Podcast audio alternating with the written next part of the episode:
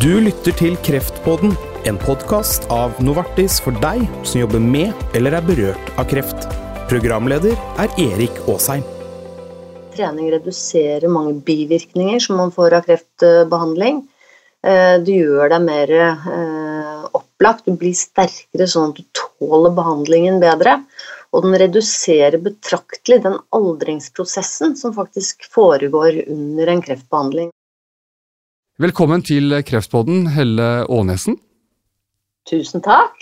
Du er eh, leder av eh, Aktiv mot kreft, som du grunnla sammen med løpedronningen Grete Waitz i 2007. og Aktiv mot kreft fokuserer på det friske i pasientene og har etablert uh, solide tilbud som kreftrammede trenger. Vi skal etter hvert høre mer om hva dere gjør, Helle, hva kreftpasienter selv bør gjøre, og ikke minst rollen til helsepersonell oppe i dette. Men, men aller først, hvorfor startet dere Aktiv mot kreft?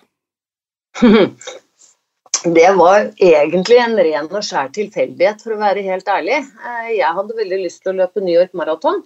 Eh, og dit er det vanskelig å få startnummer. Eh, men da fikk jeg et tips fra en venninne om at jeg skulle løpe for en charity som het Freds Team. Og den kjente jeg overhodet ikke til, men da begynte jeg å lese litt om det, og skjønte jo hvor utrolig flinke amerikanere er til å samle inn store pengebeløp til gode formål. Eh, i forbindelse med store idrettsarrangement. Og det var jo noe vi som, egentlig, altså, som ikke vi gjør i Norge, som var egentlig en helt fremmed tanke for meg. Men jeg ble veldig besnæret av den tanken.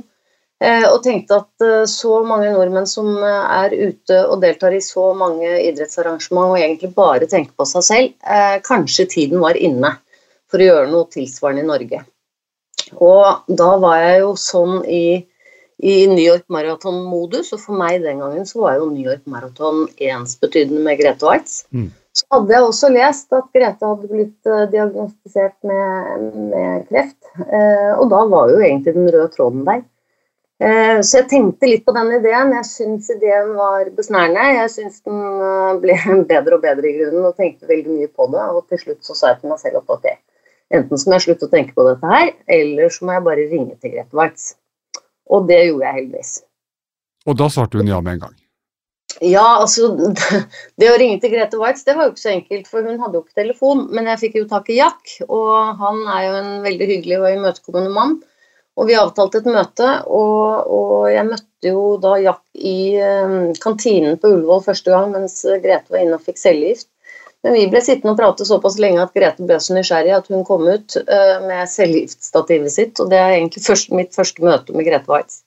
Så det var ganske spesielt. Og, um, men de, de, var veldig positive fra første stund, og vi møttes jo da regelmessig gjennom 2007. og i november 2007 så stiftet vi da Aktiv mot kreft etter at vi hadde hatt en del møter, mange samtaler og begynt å eh, finne en viss form på eh, hva vi hadde lyst til å gjøre sammen. Mm. Mm. Du er jo virkelig blitt uh, satt pris på også, Helle. I 2019 så fikk du verdiprisen Årets ladejarl og to millioner kroner som følger med den prisen. Og begrunnelsen var at du brenner for å gjøre livet bedre for flest mulig kreftpasienter gjennom fysisk uh, aktivitet i kreftbehandlingen. Og hva slags tilbud er det dere har i dag? Ja, og det, det, var jo kjempeviktig for, for, Grete også. Det var jo det hun følte at Der var jo hun ekstremt troverdig. Og for at Aktiv mot kreft skulle ha fart og troverdighet i starten, så var jo Grete kjempeviktig og veldig instrumental. Eh, så dette med fysisk aktivitet ble jo en, en naturlig satsingsområde for oss. Eh, og det var jo ikke så vanlig. ikke sant? Til og med Grete fikk jo beskjed av sin lege å gå hjem på sofaen og, og slappe av og hvile og la kroppen hamle opp. Eh, eh, og der var jo ikke hun særlig komfortabel. Eh, og litt ut ifra det, og da nyere forskning som den gangen som viste at fysisk aktivitet faktisk er veldig, veldig positivt og bra, så fant vi ut at det var vår nisje. Det var her vi ønsket å bety noe og spille en, spille en, rolle. Så det å få trening inn som del av kreftbehandlingen, det ble ganske fort vår visjon, og det er det enda. Um, og det vi da har lyst til å gjøre, det er at ikke vi, har, vi har ikke lyst til å bare prate om det. Vi har lyst til å bidra til at det skjer. Og Derfor har vi da satt i gang eh, å etablere pusterom. Nå var det ikke vi som startet med det, for der, det var det legene på, på, Oslo universitetssykehus, eller den gangen Ullevål sykehus, som, som gjorde første gangen. Eh, da de bygget nytt kreftsenter på Ullevål, så ønsket legene der å etablere et mestringsrom, som til slutt ble det første pusterommet. Eh, og Den modellen den eh, grep vi fatt i, og tenkte at når det har blitt et populært og godt tilbud på Ullevål, så bør resten av landets sykehus få et pusterom. Og Pusterommene har vi da videreutviklet. Vi har åpnet pusterom på 16 sykehus i Norge. Eh, og vi kaller det for små treningssentre. De har nok blitt litt eh, videreutviklet siden det første pusterommet på Ullevål. Eh, men det er et godt treningstilbud på sykehuset for pasienter som er før, under og etter behandling. Uh, og så har vi da videre også tenkt på hva skjer etter at man er ferdig med behandling. Jo, da eh, er det jo sånn at mange ikke har eh, verken tid, lyst eller anledning til å reise tilbake til sykehuset hele tiden. Så da har vi da sammen med Idrettshøgskolen og eh, Oslo universitetssykehus eh, faktisk etablert en ny utdannelse, et nytt deltidsstudio på Idrettshøgskolen som heter Trening av kreft. Og Der utdanner vi aktivinstruktører, sånn at de har kompetanse til å trene kreftpasienter etter endt behandling. Og det da kan være at de blir eh, altså, og Da kan man trene nærmest hjemme eller i sitt lokalmiljø, altså slippe å reise inn til et sykehus. Det er noe av ideen der, ikke sant? Ja, det er hele ideen der. Og, og det vi tenker, det er jo at alle har sine preferanser for hvor de ønsker å trene hen. Um, og, og, vårt mål er jo å utdanne såpass mange aktive instruktører at det faktisk finnes en overalt der det tilbys fysisk aktivitet. For noen har lyst til å være på treningssenter, andre har lyst til å være i skogen, noen har lyst til å trene én til én hos sin lokale fysioterapeut. og Sånn er vi forskjellige alle sammen. Mm. Men eh, la oss snakke litt mer om, eh, om eh, disse pusterommene, Helle. Um, Eh, altså, Er det et vanlig treningsrom, eller er det, eller, eller er det, noe, eller er det noe mer i tillegg? Ja, altså det er, ja, det er et vanlig treningsrom, men det er også litt uvanlig. Altså, vi har lagt uh, veldig uh, vekt på at det skal være uh, At det skal se bra ut. Det skal være fresh, det skal være friske, lekre farger på veggene, det skal være gode bilder, det skal være tipp topp treningsutstyr. Det som kanskje er den største forskjellen til et vanlig treningssenter, det er jo at det ikke er speil på veggene. Her skal man ikke bli konfrontert med at man er syk. Her skal man kunne henge på parykken på knaggen på veggen og, allikevel, eh, og, og, faktisk få dette pusterommet eller frikvarteret fra, fra sykehushverdagen. I tillegg så er det på eh, de aller fleste pusterommene så er det også en sosial sone. Et kjøkken med Hyggelig innredning, hyggelige møbler hvor man møtes da før og etter en treningsøkt. Det er også kjempeviktig. Den sosiale biten av uh, pusteromsopplevelsen den uh, skal man ikke undervurdere. Så er det også uh, kontorer til de som jobber der, helt i umiddelbar nærhet, sånn at hvis man da driver med egentrening, som også er mulig på pusterommet, akkurat som det er på et vanlig treningssenter, så er du alltid under oppsikt. Så det er alltid trygt å være på pusterommet, alltid trygt å trene på pusterommet.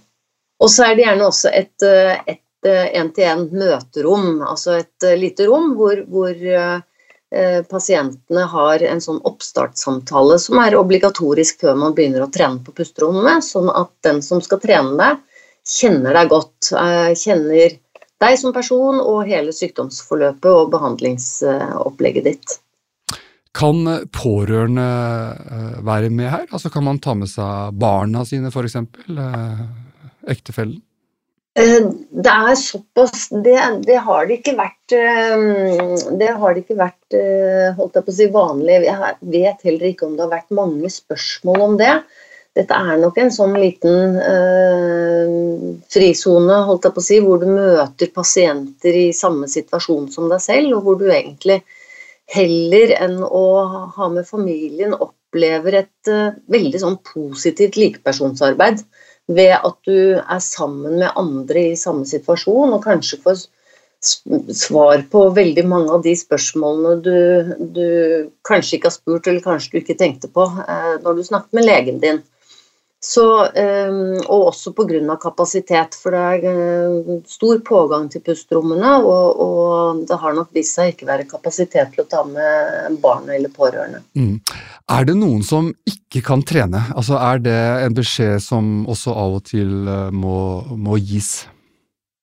Ja, altså, vi eh, På de aller fleste pusterom det er vel så nært som ett, for på St. Olav så kjører de litt annen modell, men, men eh, det kreves jo en, en, henvisning fra lege eh, for å trene på pusterommet. Eh, og det er jo rett og slett for å ivareta den eh, sikkerheten, og at legen også er helt sikker på at eh, dette er riktig for, for den pasienten hører ikke om eh, mange som ikke får henvisning til pusterommet pga. det, fordi stort sett så eh, eller den, treningen tilrettelegges for hver enkelt.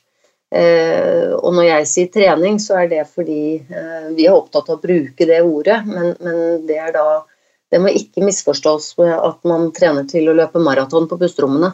Dette er tilrettelagt uh, trening uh, på det nivået du uh, er til enhver tid, og tar hensyn til den behandlingen du er gjennom til enhver tid. Og da trenger jo disse trenerne også litt spesialkompetanse for å måtte, kunne gi de rette rådene. Det er jo liksom litt, litt sånn i grenselandet til, til, til også litt medisinske vurderinger, eller hvordan er det? Jo, absolutt. Og, og, stort sett så er jo uh, de som jobber på pusterommene, uh, fysioterapeuter eller idrettspedagoger. Um, men de er jo da i et tett samarbeid med kreftavdelingen. Uh, sånn at de har De har absolutt sine fagfolk å spille på når det gjelder trening for disse pasientene. Mm. Helle Aanesen, du er ikke forsker selv, men, men, jeg vil tro du har eh, pløyd deg og finlest de fleste forskningsrapporter om, om uh, viktigheten av å være aktiv. Og hva, og hva, er det vi vet i dag? Altså, hvor viktig er det å være aktiv selv når man har en alvorlig diagnose eller er, er syk? Ja, det er helt riktig som du sier. Jeg er jo ikke forsker, men jeg syns jo det er veldig veldig spennende eh, å, å, få denne dokumentasjonen som nå i flere år har pekt på at, eh, at trening eh, øker livskvaliteten. Eh, og det er jo et litt sånt vassent, ullent begrep, men trening reduserer mange bivirkninger som man får av kreftbehandling. Du gjør deg mer opplagt, du blir sterkere sånn at du tåler behandlingen bedre. Og den reduserer betraktelig den aldringsprosessen som faktisk foregår under en kreftbehandling. Altså det å få cellegift, altså kreftbehandling er tøff behandling. Cellegift er, som ordet sier, eh, gift. Selv om et penere ord på det er eh, cellemedisin. Men iallfall det er ganske eh, Det er tøff behandling, og du gjør mye med kroppen din. Ehm, I enkelte tilfeller kan tre måneders cellegiftbehandling elde kroppen din med ti år. Men det kan fysisk aktivitet og trening motvirke. Eh, nesten 100 Så det å på en måte være i aktivitet, det har kun eh, positive eh, bivirkninger. Og det reduserer også fare for tilbakefall og fare for følgesykdommer. Og da gjerne hjerte-karsykdommer, alvorlige sykdommer. Så trening er faktisk viktig, og vi opplever jo Vi mener jo at dette er såpass uh, viktig at det bør tas inn i pasientforløpet egentlig være obligatorisk del av behandlingen. Og så er det en annen ting som er litt undervurdert, og det er den mentale siden av det. Altså det kjenner jo vi alle til som har vært ute og tatt oss en, en, uh, en, en luftetur og en uh, løpetur eller en gåtur, at vi er jo aldri i dårligere humør etter at vi har trent. Det gjør noe med humøret, og, og det gjør noe med fighting spiriten. Så det å tåle behandlingen best mulig, og være best mulig forberedt også til det du skal gjennom, eh, og opprettholde eh, fysisk funksjon så godt det lar seg gjøre gjennom eh, en tøff behandlingsperiode. Ja, og du, og du sammenligner jo fysisk uh, forberedelse til operasjoner med, med, å forberede seg til store konkurranser og lange løp. Altså, ja, det er noe av det samme, tenker du? Ja, og det er jo veldig morsomt at du nevner, for dette er jo mitt nye favorittord, prehabilitering. Ja.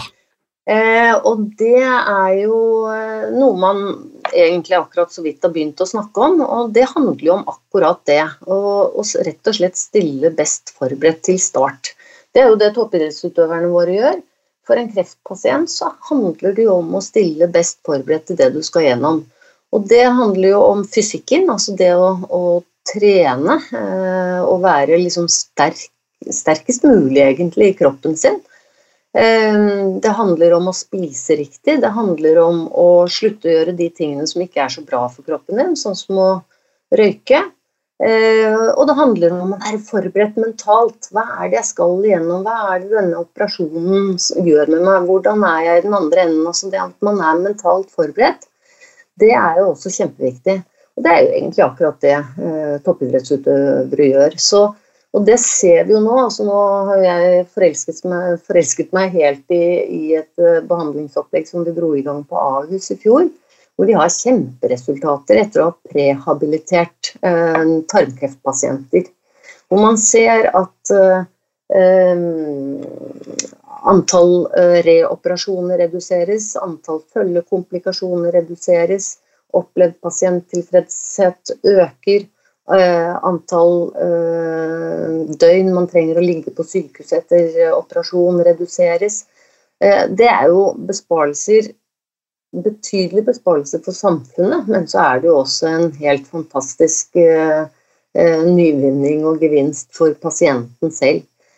og de pasientene som har vært gjennom prehabilitering, de opplever jo også at de har fått tatt del i sin egen behandling på en helt annen måte og faktisk føler at de bidrar, og, og føler at de er i behandling fra dag én, istedenfor å vente disse eh, 30 dagene eller mer som, som eh, man gjerne gjør mellom fra man får eh, vite om en diagnose til behandling settes i gang. Mm. Så, eh, så, samfunnsøkonomisk så er dette veldig lønnsomt. Tenker du da at neste steg vil være å, og, og, og måtte be myndighetene om at man skal kunne få en aktiv uh, instruktør på, på resept, f.eks.? Ja, vi har jo gått litt sånn uh, Vi har jo gått ut og sagt at det, våre to politiske målsetninger det er jo å få pusterommene inn som en del av uh, pasientforløpet. Altså det at man blir henvist til pusterommet er ikke noe man blir fordi man spør sin egen lege om det, eller fordi man er så heldig å ha en sykepleier som opplyser en om det, men at det rett og slett er en del av behandlingsplanen. Da har man kommet langt.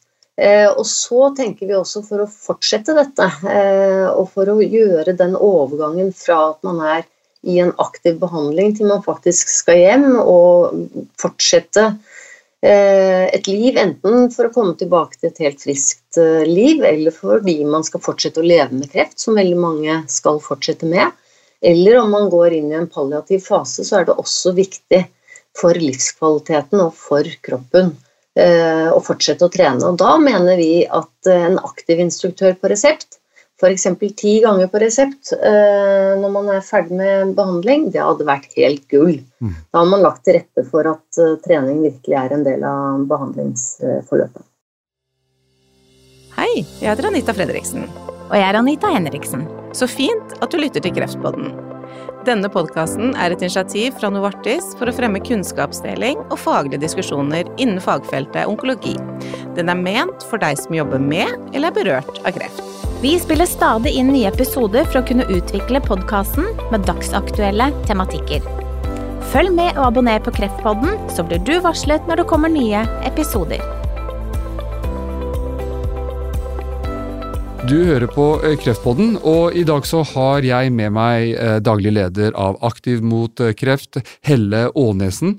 Og Helle, la oss snakke litt mer om eh, motivasjon her. Eh, det er jo mange som eh, kanskje aldri har trenet før, før de blir syk. og hva er det man gjør og sier til, til en pasient som aldri har sagt satt sitt ben i et treningsstudio at nå må du starte å trene. Altså Det er litt vanskeligere å overtale dem kanskje enn en dem som har trenet hele livet. Ja, og Det er der jeg tror det er helt ekstremt viktig at dette faktisk blir en del av behandlingsforløpet. For det er, som du sier, så er det Det å få en kreftdiagnose, få den beskjeden, det er ganske tøft. Og for mange da så blir det jo bare sånn Ha, skal du liksom be meg om å trene i tillegg? Eh, og Det er derfor jeg tror det første møtet med pusterommet er så viktig. Den første samtalen hvor du får vite hvilket tilbud eh, som fins, og får vite at her kan du være helt deg selv eh, sammen med andre i samme situasjon. Eh, alt blir tilrettelagt i forhold til deg og din eh, form og din dagsform. Det tror jeg er veldig viktig informasjon. Og det hører vi også når vi er ute og snakker med pasienter eller brukere av pusterommene. Eh, så er det jo det vi hører. Åh, jeg er så glad for at jeg fikk denne muligheten, fordi da begynte jeg å trene. Eh, og det er jo mange som ikke har vært fysisk aktive før, som føler at de nesten har endret en livsstil etter at eh, de kom inn i kreftbehandling og, og, og begynte å bruke pusterommene. Og det er jo ganske ekstremt. Eh, og da er det jo stor mulighet for at man også fortsetter det etter endt behandling. Eh, fordi man da har lært seg alle de positive sidene ved det å være i aktivitet. Så jeg tror det første møtet, det å bli på en måte fulgt litt over den dørterskelen, er veldig, veldig viktig. Og der også spiller helsepersonell en, en, en viktig rolle, ikke sant Helle? Altså, altså, hvordan tenker du at at, at fastlegen eller, eller andre uh, tett på pasienten kan bidra til å motivere pasientene til å sette i gang med dette? Ja, det er jo det vi er helt avhengig av akkurat, uh, eller sånn som, sånn som, situasjonen er nå. Vi er jo helt avhengig av at legene, sykepleierne, fastlegene som du sier, at alle de som er i nærheten av pasientene, pasientkoordinatorene ikke minst, Eh, og kreftkoordinatorene ute, ute i kommunene at de eh, fremsnakker det å være fysisk aktiv, og at eh, forhåpentligvis alle vet om tilbudene da som fins, både på pusterommene og hos aktivinstruktørene, eller andre steder hvor de har tilrettelagt trening for kreftpasienter. Så vi er jo helt avhengig av det før dette blir en, en del av behandlingen. Mm. Men tenker du at det vet helsepersonell nok om, eh, om, dette? Du nevnte jo selv liksom, hva det forskningen sier. Er, eller, eller, opplever du at, at, det også er litt kunnskapshull her? At det, dette ikke nødvendigvis har topp prioritet? Ja, jeg tror det heller handler om det, faktisk. Eh, prioriteringen her. Eh, jeg tror nok eh, Jeg håper at den Holdt jeg på å si den legen som Grete møtte på, som sa 'gå hjem og legg deg på sofaen', jeg håper det faktisk er en utdømmende rase. Mm. Uh, og det tror jeg. Jeg tror veldig mange nå har fått øynene opp for at uh, fysisk aktivitet er bra, trening er bra, at det skal være tilrettelagt. men jeg er nok usikker på prioriteringen. Hvor viktig syns man at det er? Eh, og der er man nok eh, kanskje prisgitt de som selv er glad i å være eh, fysisk aktive og trene selv, som kanskje da til en større grad ser nytten og, og viktigheten av det. Men jeg tror forskningen på dette feltet har vært såpass massiv nå de siste årene at jeg har god tro på at dette her nå er enda sterkere Eh, holdt jeg på å si, innprentet hos, hos helsepersonell at, eh, at, de fremsnakker det. Eh, men jeg tror også kanskje at tidsaspektet er vanskelig. ikke sant? Legene iallfall har jo kanskje til dels knapt med tid, og det er mye man skal gjennom med hver enkelt pasient.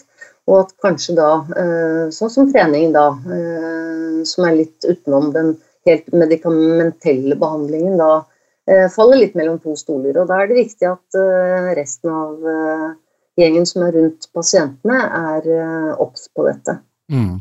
For det er vel sånn, altså Tenker du at trening også en, Er det en del helsefolk som kanskje tenker at det er en del av på en måte, ja, litt sånn velvære, altså det som er fint, det som kan gjøre godt, men, men ikke at man nødvendigvis eh, ser den eh, medisinske linken så, så klar. Mm, jeg tror det. Eh, og det er jo litt sånn Det er nok litt gammel tenkning. Og så tror jeg det også er det at man tenker at trening det er en del av rehabiliteringen. Mm. Mens der er jo vi nå veldig på hugget i forhold til å, å mene og, og, snakke frem at det bør være en del av prehabiliteringen. Eh, da, eh, det er om å gjøre å komme i gang så fort som mulig, rett og slett. Mm. Du, men dere, eh, dere gjør veldig mye. Hvem er det som finansierer alt dette? det er et godt spørsmål, ass. Nei da. Eh, vi, vi, eh, Grete og jeg startet jo opp eh, veldig optimistiske eh, for da 13 år siden og, og spyttet inn 50 000 kroner hver av eh, sparepengene våre for å få råd til stiftelseskapitalen. Så vi er jo egentlig litt sånn stolte av det vi har fått til, men det er klart vi har jo hatt veldig god hjelp av Adidas først og fremst, som var Gretes eh, sponsor. og Eh, som Grete var lojal til i alle, alle år. Eh, siden 2009 så har de gitt oss betydelig støtte. De har rett og slett laget en kolleksjon som, med løpeklær og sko som er solgt verden over. Og vi har fått en royalty av det salget. Så det har gitt oss betydelige midler. Går dessverre den avtalen ut når dette året her er omme, så, så her får vi en utfordring. Eh, så har vi også vært eh, heldige og fått, eh, fått gode og solide beløp fra andre større stiftelser. Gjensidigestiftelsen, Kavli-fondet, Grieg Foundation, den type stiftelser som har bidratt sterkt til vårt arbeid. Og så er vi jo ute og er relativt aktive i bedriftsmarkedet. Vi har en rekke fadderbedrifter som støtter oss, og vi er ute på masse idrettsarrangement. Så det å delta i Birken for Aktiv mot kreft f.eks. bidrar jo til inntekter for oss. Eller Oslo Maraton eller andre større idrettsarrangement hvor det ikke er eh, om å gjøre å vinne, men om å gjøre å delta for en god sak. Det er liksom litt der vi fikk ideen vår fra i sin tid også. Mm. Og så er det jo hyggelig, som du sa innledningsvis, når uh, Reitan-gruppen f.eks. setter opp priser og, og er rause med førsteprisen. Så det er klart at uh, to millioner kroner fra Reitan-gruppen det bidrar jo også godt til etablering av et nytt pusterom. Og dere, eh, altså Aktivt mot kreft, eh, støtter også ulike forskningsprosjekter. Eh, hvorfor det? Altså Hvorfor har dere valgt også å gjøre det, og ikke bare sørge for at folk trener? Mm. det tok jo litt tid før vi staket ut helt den konkrete kursen vår. sånn at i de tidligere år så har vi faktisk også bidratt med en hel del medisinsk-teknisk materiell også, særlig til Oslo universitetssykehus. Og den PET-skanneren som står på Ullevål sykehus, har faktisk eh, vi eh, tatt initiativet til og fått finansiering til. Eh, men akkurat det med forskning innenfor trening og kreft, det føler vi jo at er uh, i linje og, og, viktig del av det arbeidet vi gjør. Uh, ikke bare tilrettelegge for uh, selve treningen, men også begrunne hvorfor dette er så viktig. Og, og, drive frem forskningen på det området, sånn at vi vet eh, enda mer om noen år om hva slags trening som gjør hva for hva slags type kreft. Og det er jo det nye, spennende forskningsområdet som vi er inne og støtter i USA nå. Vi har for øvrig også startet Aktiv mot kreft i USA, det gjorde vi i 2014. Um, Active Against Cancer heter vi der. Eh, og Der har vi et tett samarbeid med eh, sykehuset i New York som heter Memorial Sloan Kettering Cancer Center. og Der eh, forsker de jo innenfor det de kaller for exercise oncology. og Der er jo meningen å finne ut hva gjør trening med selve tumoren. Altså selve cellebiologien. Og Det skal ikke jeg gå nærmere inn på, men det handler jo om eh, hva eh, bidrar trening med eh, i forhold, til å, i forhold til selve svulsten, kan det være noe å hente der. Og det er mange signaler som tyder på det. Og, og den dagen vi får det svart på hvitt, så er det klart at da er jo trening medisin. Helle Ålesen, denne Episoden av Kreftpodden spiller vi inn mens uh, koronaen herjer verden. Uh, du er med oss på Skype fra hjemmekontoret. Pusterommene som vi har snakket om, de, de, de, de, holder stengt, tilbudet er minimalt. Hva gjør dere eh, nå for likevel å være til stede og, og, og hjelpe folk som trenger hjelp? Ja, da har jo vi, altså Dette er jo en helt uvirkelig tid. og Da har jo vi som mange andre forsøkt å, å legge hodene i bløt og tenke hva gjør vi nå? Og svaret på det ble ganske enkelt at vi har eh, vi, vi, lanserer faktisk i dag, eh, 31.3, eh, pusterommet hjemme. Vi har rett og slett tatt turen til pusterommet på Ahus, fått lov til å låne det en hel dag i forrige uke, og vi har filmet de treningsøktene som serveres der til daglig, for å si det sånn, med pusterommets egen Renate Strand Sterud som, som eh, treningsveileder. Så der kan du nå gå inn på våre uh, nettsider og klikke deg veldig enkelt frem til ulike treningsøkter som enhver uh, pusteromsbruker eller annen kreftpasient selvfølgelig kan trene etter hjemme i stuen eller på soverommet eller hvor man befinner seg. Og det er sånn real time. Så det er rett og slett 10 minutter med oppvarming, det er 30 minutter styrketrening, det er uh, kondisjonstreningsprogrammer, sånn at man rett og slett tilrettelegger for at man kan opprettholde treningen hjemme. Og denne gruppen pasienter er jo eh, sårbare i forhold til immunforsvar. Eh, og derfor er det ekstremt viktig at disse tingene også kan foregå eh, hjemme og inne og i, i, kontrollerte former. Så vi håper at det blir et tilbud som mange setter pris på i denne veldig veldig spesielle tiden. Og det kreves ikke da heller enorme tekniske ferdigheter for å, for å få, klare å få til dette på, på skjermen sin? Nei, og det er akkurat det. Eh, så vi kaller det liksom såkalt en digital plattform. Det høres jo fryktelig komplisert ut. Eh, dette er rett og slett eh, ett klikk unna på en PC eller en pad.